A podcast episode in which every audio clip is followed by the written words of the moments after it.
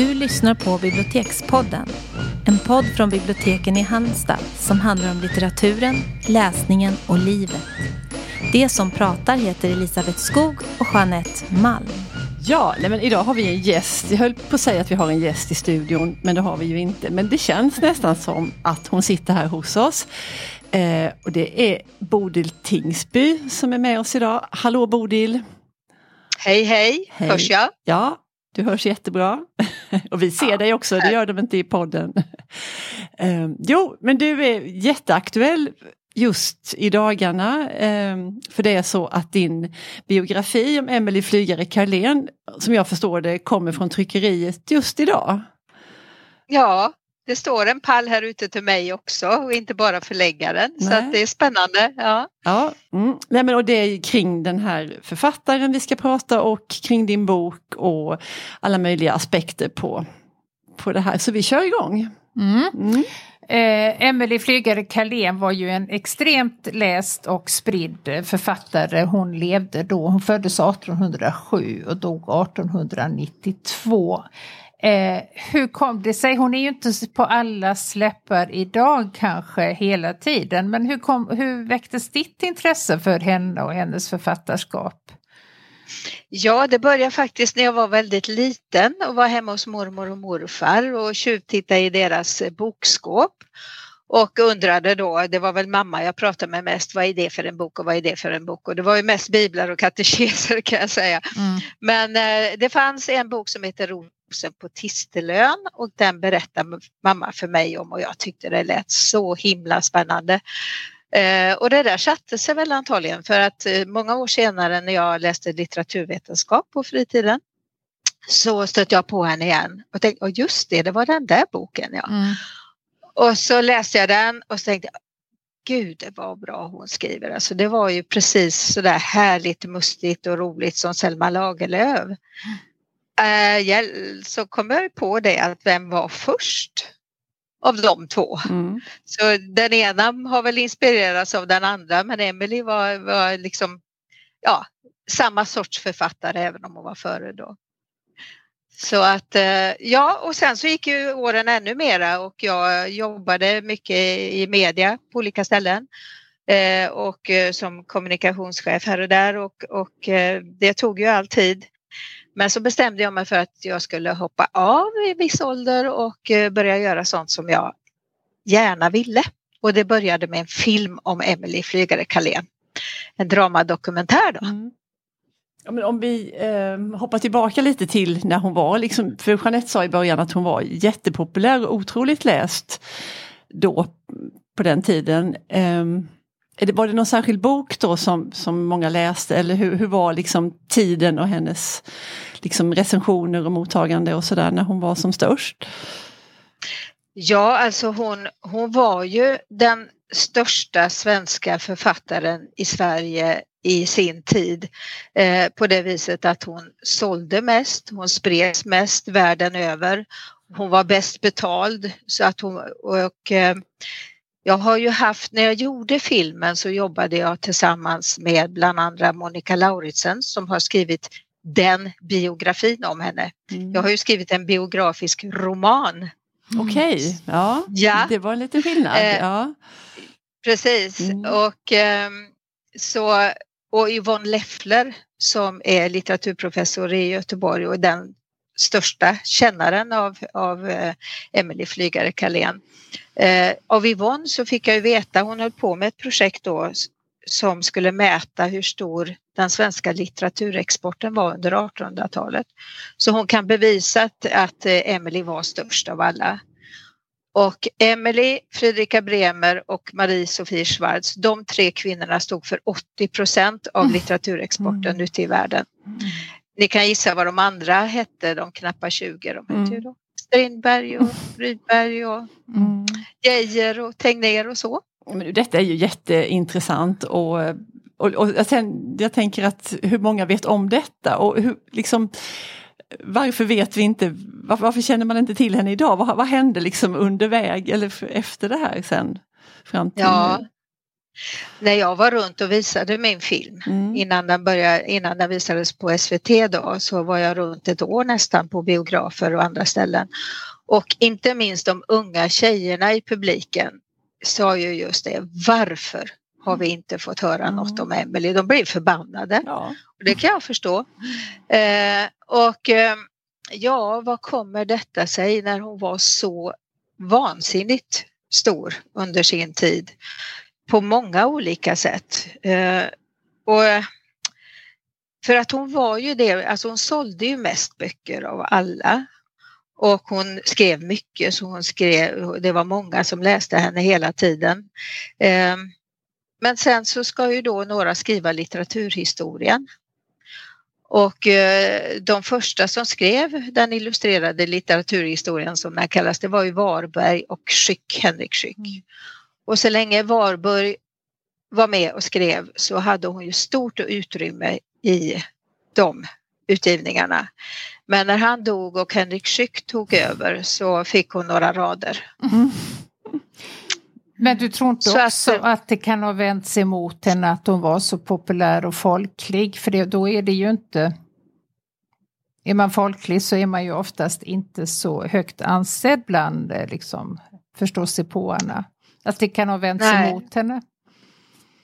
Ja, jag tror att det kan är en av förklaringarna och ibland kanske med rätta för hon skrev ju så otroligt mycket. Hon skrev minst två romaner om året under Oj. över tio år.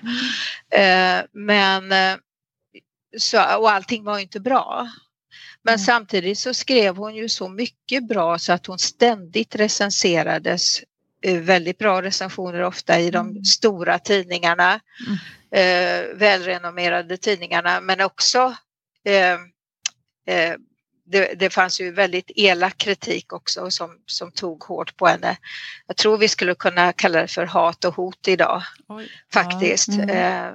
Eh, hon skrev om ämnen som inte kanske tilltalade herrarkritiker alltid. Mm. Om kvinnan och jämställdhet och så vidare. Så att eh, eh, ja, eh, så hon var ju alltså aktad bland dem. Det var många som tyckte att hon skrev bra och det gjorde hon ju i väldigt många romaner också. Mm. Så att, men sen var hon ju som person annorlunda i den kretsen utav de mest kända författarna. Eh, hon kom ju inte från varken adel eller, eller högre stånd i Stockholmsområdet. Om vi känner till det idag, Mm, mm. eh, hur det kan vara. Eh, utan hon kom ju då ifrån lilla Strömstad. Och hennes första bakgrund, det var ju, hon var ju skeppare och köpman, precis som pappa. Eh, kapten på skutor ut med Oj. kusten och så vidare. Mm. Ja, Men som kvinna, det- det... måste ju varit ganska ovanligt. Hur kom det sig? Ja, hon var ju dotter till en stor köpman och skeppare i Strömstad. Mm. Och det, så det, under, efter sillperioderna ut med kusten så var det ju en del rika stora köpmän och hennes pappa var en av dem, Rutger Schmidt.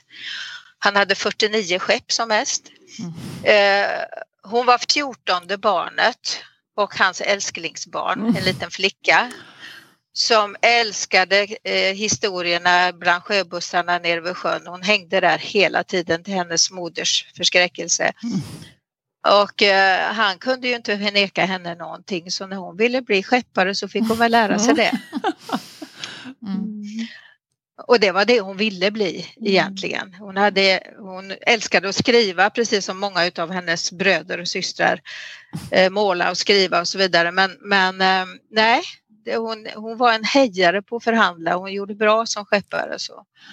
Och eh, hade siktet inställt på det ända tills mamman frågade eh, och hur hade du tänkt att det skulle gå till egentligen?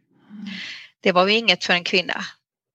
En, enda sättet det var att gifta sig med Mm. någon som ville att hon skulle vara skeppare ombord på hans skutor. Och det, hon hittade ingen sån. en snäv krets att fråga. Ja. Så det var väl hennes första chock kan man säga, som, alltså insikt om att det var skillnad på män och kvinnor, alltså på riktigt Mm. skillnad, inte bara på ytan utan hon, det chockade henne. Hon blev, ja, eh, hon gav upp då en period. Mm. Men jag tänker Och, också det, det är eh, något fantastiskt med att vara det mest omhuldade barnet när man har 14 eller Ja, har så många precis. syskon. Det är ju ändå Mm. mycket att liksom hävda sig bland. Mm. Ja, hon fick kämpa hårt i Mm. familjen kan jag säga för Mm. att hävda sig. Det var också en skola. Säkert. Men sen när hon gav upp då så eh, när mamman talade förstånd med henne och sa det att hon måste precis som mamman själv, Margareta som var en väldigt stark kvinna som stod ut med denna koler- mjältsjuke kapten.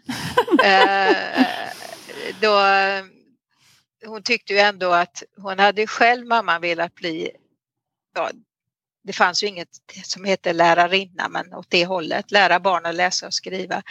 Men hade ju då funnit sig i att vara sin kaptens, den som styrde på hemmaplan åt kapten. Mm. Och hon kallade det för att ägna sig åt en kvinnas ädlaste bestämmelse. Mhm. Detta använder Emily i sina romaner också. Mm.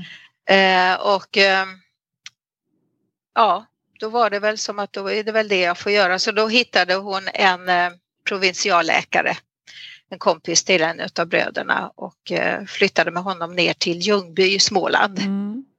Ni kan tänka er att komma från havet ner till Ljungby Ja, i Småland. Fruktansvärt. Ja.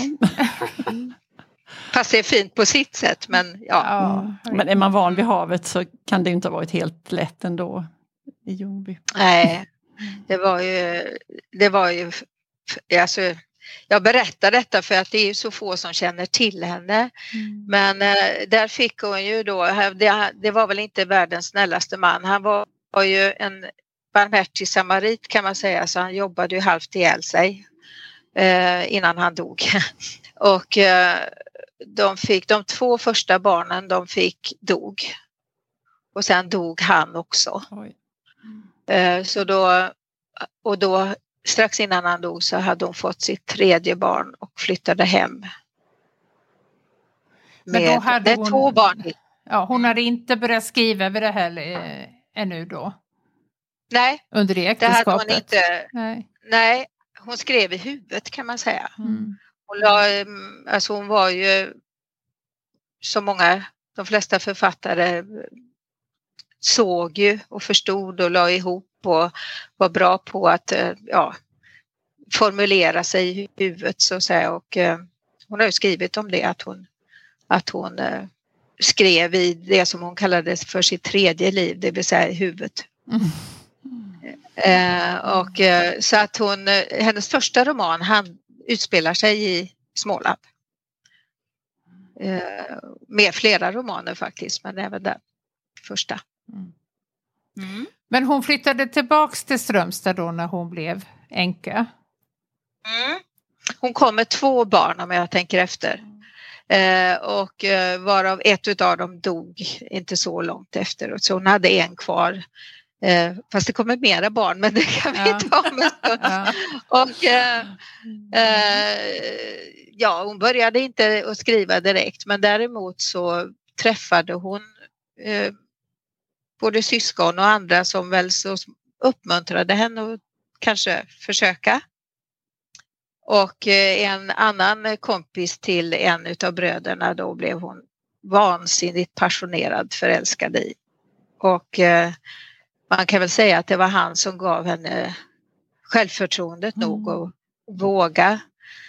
Sen gjorde han henne med barn och dog strax efter så hon Nej, blev ju... väldigt vad Mm. dog. Eh, Ja. mm. Men det här Så hon fick ju passionerade... Ja, hon fick ju ett barn utom äktenskapet då. Det har Mm. hon ju också använt en hel del i sina romaner om Mm. hur den situationen var för Mm. kvinnor också. Mm. Mm. Ja, jag tänker för att hon... De var väl ändå av en ganska ansedd familj i...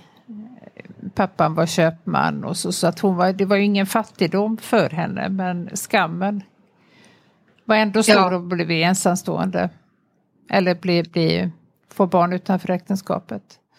Ja, det var ju skammen för att eh, eh, hon flyttade upp i Dalslandsskogen och födde henne i enskildhet och så vidare för att eh, skona familjen så Mm. att säga. Så att hon, hon gick ju igenom det värsta med att eh, ja, att vara skamlig. Så Mm. att, säga. Mm. att göra något skamligt. Dessutom var det ju brottsligt för en kvinna att föda barn utom äktenskapet då. Inte för mannen får det, men Nej. kvinnan. Mm. Mm. Nej, men det är ju otroligt spännande och som ni säger det här att man inte känner till så mycket. Men det, mycket av det hon skrev, eller flera, blev ju filmatiserade och väldigt framgångsrika. Jag tänker på ett köpmanshus i skärgården. Den var ju, det var ju något som alla tittade på.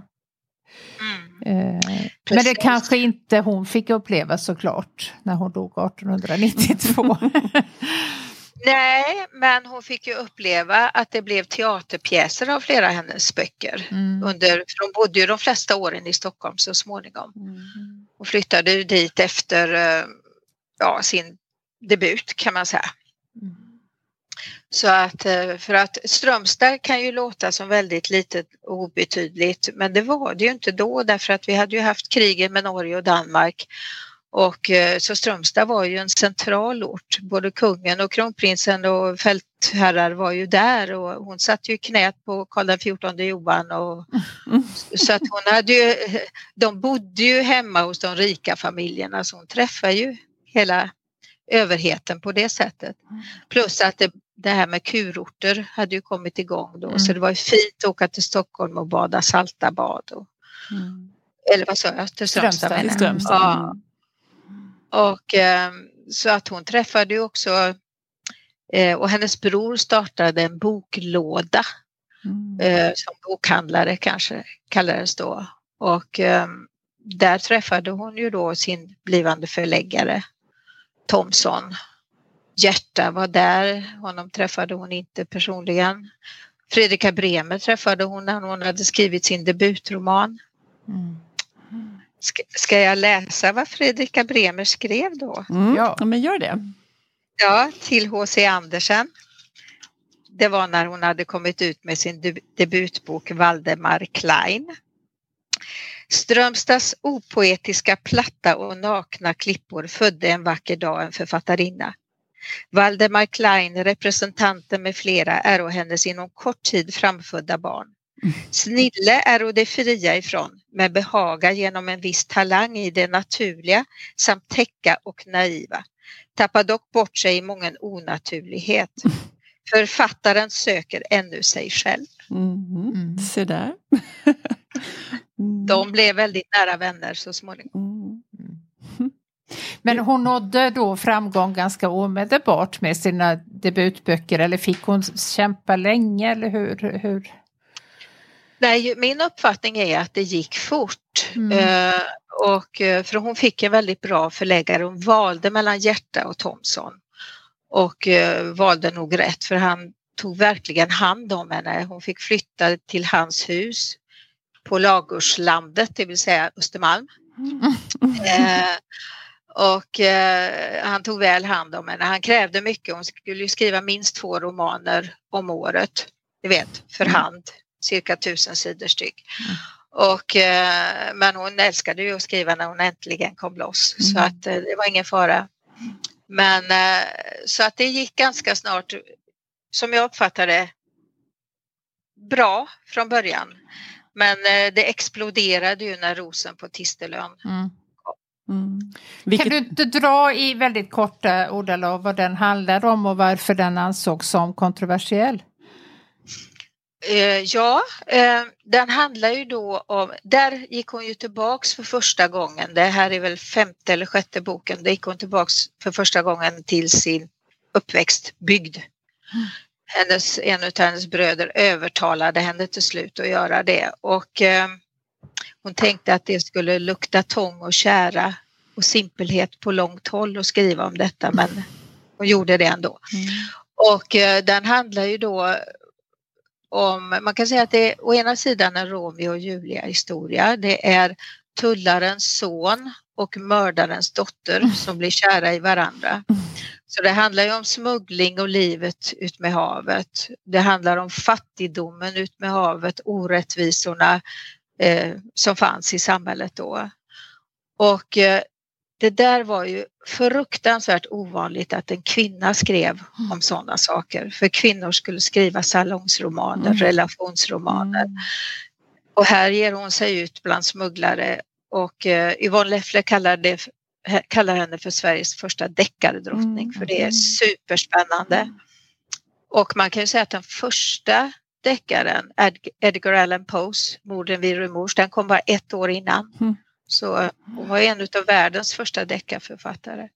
Så att eh, det var ju kontroversiellt att en kvinna skrev om just de här sakerna och dessutom om politik kan man säga, alltså Mm. orättvisorna mellan fattiga och rika och eh, brott och straff. Är det inte bättre att förlåta än att Mm. hänga mördaren som Mm.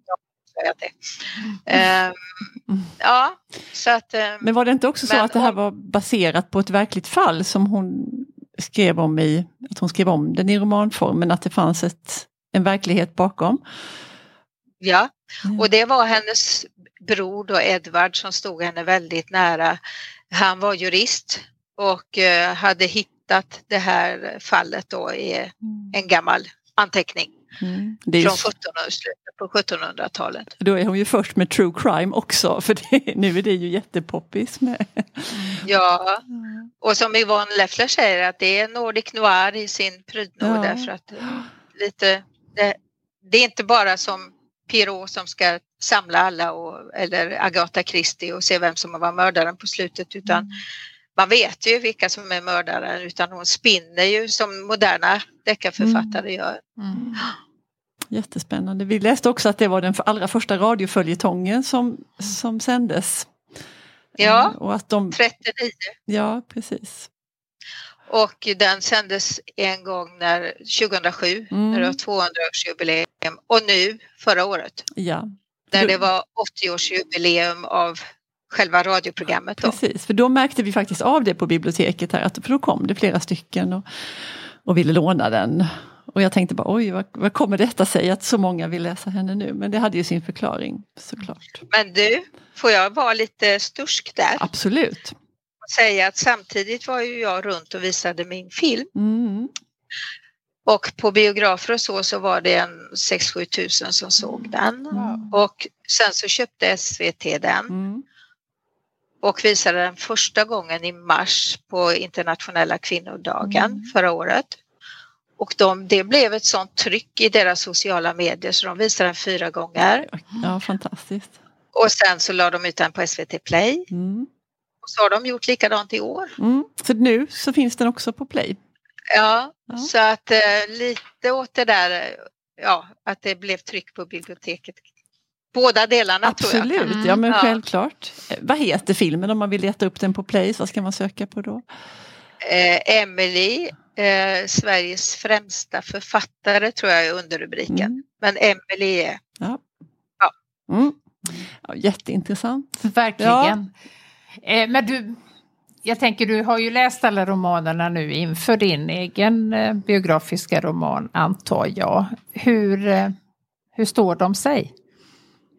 Ska jag vara ärlig så har jag nog inte läst riktigt alla. Nej. Jag har börjat på en del och tänkt att nej, Nej. för allting är som sagt inte bra och Nej. det är lite ålderdomlig text och så. Men, men, men eh, alltså de, hennes, hennes mest kända böcker står sig otroligt bra. Mm. Och om man då tar de här, hon är mest känd här i Sverige för de västkustromanerna som Mm. de kallas. Mm. Där Rosen på Tistelön var den första och Köpmanshuset som ni sa. Mm. med flera. Och eh, alltså jag tycker ju att det är bladvändare. Mm. För att även det är ju mycket spänning och även om det inte är det så skriver hon så spännande och roligt i alla fall. Mm. Och så kan man säga att det är ålderdomlig stil och det är det ju naturligtvis men Vitterhetssamfundet har gett ut några språkgranskade Mm. Köpmanshuset och Paul Werning. Och de är ju då lättare för de har inte den här gamla stilen. Eh, och jag tycker att man efter några sidor så kommer man över det där. Mm. Så att eh, ja, jag har aldrig gapskrattat så mycket som när jag läste hennes böcker. Nej. Men utomlands så blev hon mest känd för sina relationsromaner. Mm. Och eh, jag träffade Ebba Witt-Brattström innan jag började göra filmen Mm. eh, för att prata med henne och hon tycker att hennes bästa bok är Ett år. Heter den. Mm. Det är en relationsroman och eh, det här låter ju så avancerat som hon var. Att eh, det är två stycken som gifter sig och ångrar sig på bröllopsnatten. I tid tror jag. och eh, så tycker de att det är pinsamt att skiljas nästa dag så de bestämmer att vi låter det gå ett år och så låtsas vi som vi är gifta och sen kan vi skilja oss. Mm. Det är bara det att de hittar ju varandra under det där året för då är de två fria individer. Mm. Otroligt modernt. Ja, verkligen. Ja. verkligen. Alla de här datingprogrammen och gifta på försök och gifta på första ögonkastet. Ja. allt vad det heter. Ja. Hon, eh, vad var det Ebba Witt sa? Jo, hela romanen är som ett enda långt förspel. Mm. Ja, jättespännande. Ja. Men du, hur litterära, de, de är liksom spännande och de är roliga men är hon liksom, hur litterärt är det man tänker på liksom ja, stilen och det här liksom nyskapande för sin tid och sådär? Ja, alltså romanen var ju ny på mm. den här tiden, i Sverige i synnerhet men, men det var ju ingen gammal form, nej, romanen. Nej. Så den utvecklades ju väldigt mycket under de här åren. Ehm, men eh, jag tycker ju, alltså dels förutom att det är spännande och roligt så hon är ju suverän på intrig. Hon spinner och man följer och, och så att eh, hon är en, hon en stor intrigmakare mm. om man säger så. Mm. Och sen är det väldigt filmiskt beskrivet så att mm. eh, ja, de som skriver manus till hennes filmer behöver nog inte skriva om så mycket mm. utan det, det, man ser det framför sig. Men man får ju ta det från att hon var, det är ett tag sedan. Mm. Mm. Men eh, jag har testat på, på många och jag, de flesta fastnar för, för hennes sätt att skriva om man väljer de här, de bästa. Mm. Eh, din bok får vi ju prata om till sist, sista punkten på eh, vårt manus. Eh, ja. Jag kallade den för en biografi men då är det, det är en roman som handlar om en biografisk roman eller hur vill du, hur vill du ja. bestämma den? Ja. Ja, jag visste inte vad jag skulle kalla det men jag fick lära mig då utav Leffler att det där ska du kalla för en biografisk roman. Ja. Alltså, den bygger på fakta. Mm. Och jag har försökt att vara noga med fakta, både om henne och om tiden.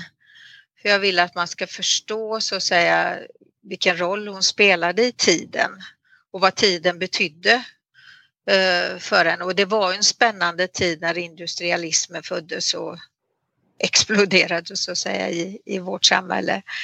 Um, till exempel när hon reste till Stockholm så fick hon ju ta Göta kanal då, det som precis var färdig. Mm. Och sen eh, sista resan kunde hon göra med tåg. Så att, förstår ni? Mm. Eh, så och klipper, alltså film är ju ett känslomedium i väldigt stor utsträckning och för att kunna göra det så måste man försöka lära känna personen så att mm. Så att jag jobbade mycket med det och tyckte att jag kom henne nära. Kanske för att vi har rötter på samma ställe, inte vet jag kände någon slags närhet till henne. Uh, sen då när jag hade varit runt och visat filmen som var jätteroligt för jag samtalade med publiken efteråt och sådär så, så var jag ju ändå ganska trött så jag tänkte det var skönt. Nu, nu var jag färdig med Emelie. Mm. Men hon var inte färdig med mig. Det, det, det låter jättefånigt men hon lämnar inte mig i fred. Mm. Så att, uh, Hur visade det, det sig då? Ja, Jo, hon fick ju mig att skriva. Mm. Jag har aldrig skrivit en roman innan, jag, men jag försökte och sen så hade jag några som läste och gav mig goda råd och sådär så att no, det har blivit det det har blivit. Mm. Men jag, alltså jag, så här har jag tänkt, det här skulle kunna ha hänt. Mm. Så har jag tänkt när jag har mm. skrivit. Mm. Mm. Mm. Och när du säger att du har fått en pall med böcker hem, när kan vi hitta dem på, i bokhandeln och på biblioteken? De går att beställa på nätet redan nu. Mm. mm. Eh, de har legat ute ett tag och eh, så det, det kan man göra om man vill mm. och bokhandlare kan ju också beställa så det gör de väl nu antar jag. Mm. Går man in på en bokhandel så så um, kan man ju be dem Mm. ta hem. Och sen har jag sett att 20 bibliotek har redan beställt. Ja. Så att eh, om Halmstad har gjort det vet jag inte. Nej, Men det ska vi då eh, kolla upp och i så fall ombesörja. Vad heter boken? Den heter Jag heter Emily Mm. och anledningen till att den heter så, det är två anledningar. Det ena är att jag ser hennes lilla Emily inom henne hela tiden. Fick nog stampa med foten ibland och säga Jag heter Emily. Så. Mm. Då det hävdar sig Mm. bland eh, de fina i Stockholm och så. Mm. Eh, och hävda rätten att få leva sitt eget liv. Det är Mm. den röda tråden Mm. tycker jag i hennes liv. Det är att hävda rätten att få bestämma över sitt eget Mm. liv. Eh, den andra anledningen är att en släkting som inte lever längre men som dog ganska nyligen heter Ann Smith. Hon var poet. Poet, ja. Ja, och hon har skrivit en dikt som heter Jag heter Emily. Mhm. Mm. Så det är en liten hommage till Ann Smith. Ja. Ja, nej, men det har varit jätteintressant och jag ska minsann hem och leta reda på både titta på filmen och kolla så att din bok säkert Ja. är beställd. Här. Mm. Nej, men det är så himla värdefullt att någon lyfter fram de här bortglömda eh, människorna, kvinnorna och faktiskt gör dem tillgängliga för vår tid igen. Mm. Det är ju en stor och viktig gärning du har Mm. gjort. Där kan jag väl eh, lite kuriosa. Jag läste Jan Guillous senaste, Slutet på historien, Mm. Och upptäcker på sidan 316 att han eh, på olika sätt lyfter upp Emily Flygare Carlén. Mm. Mm.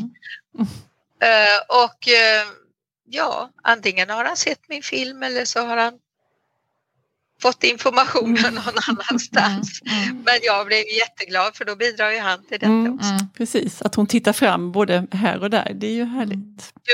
Mm. Ja, nej, men jätteintressant och välkommet. Och det här funkade ju bra trots att du sitter i Kungshamn och vi sitter i Halmstad. Mm. Mm, Det i går. samma hav. samma hav, Samma hav samma sol. Ja, Men tack för idag. Ja, tack själva. ja Tack, hej. Hej då!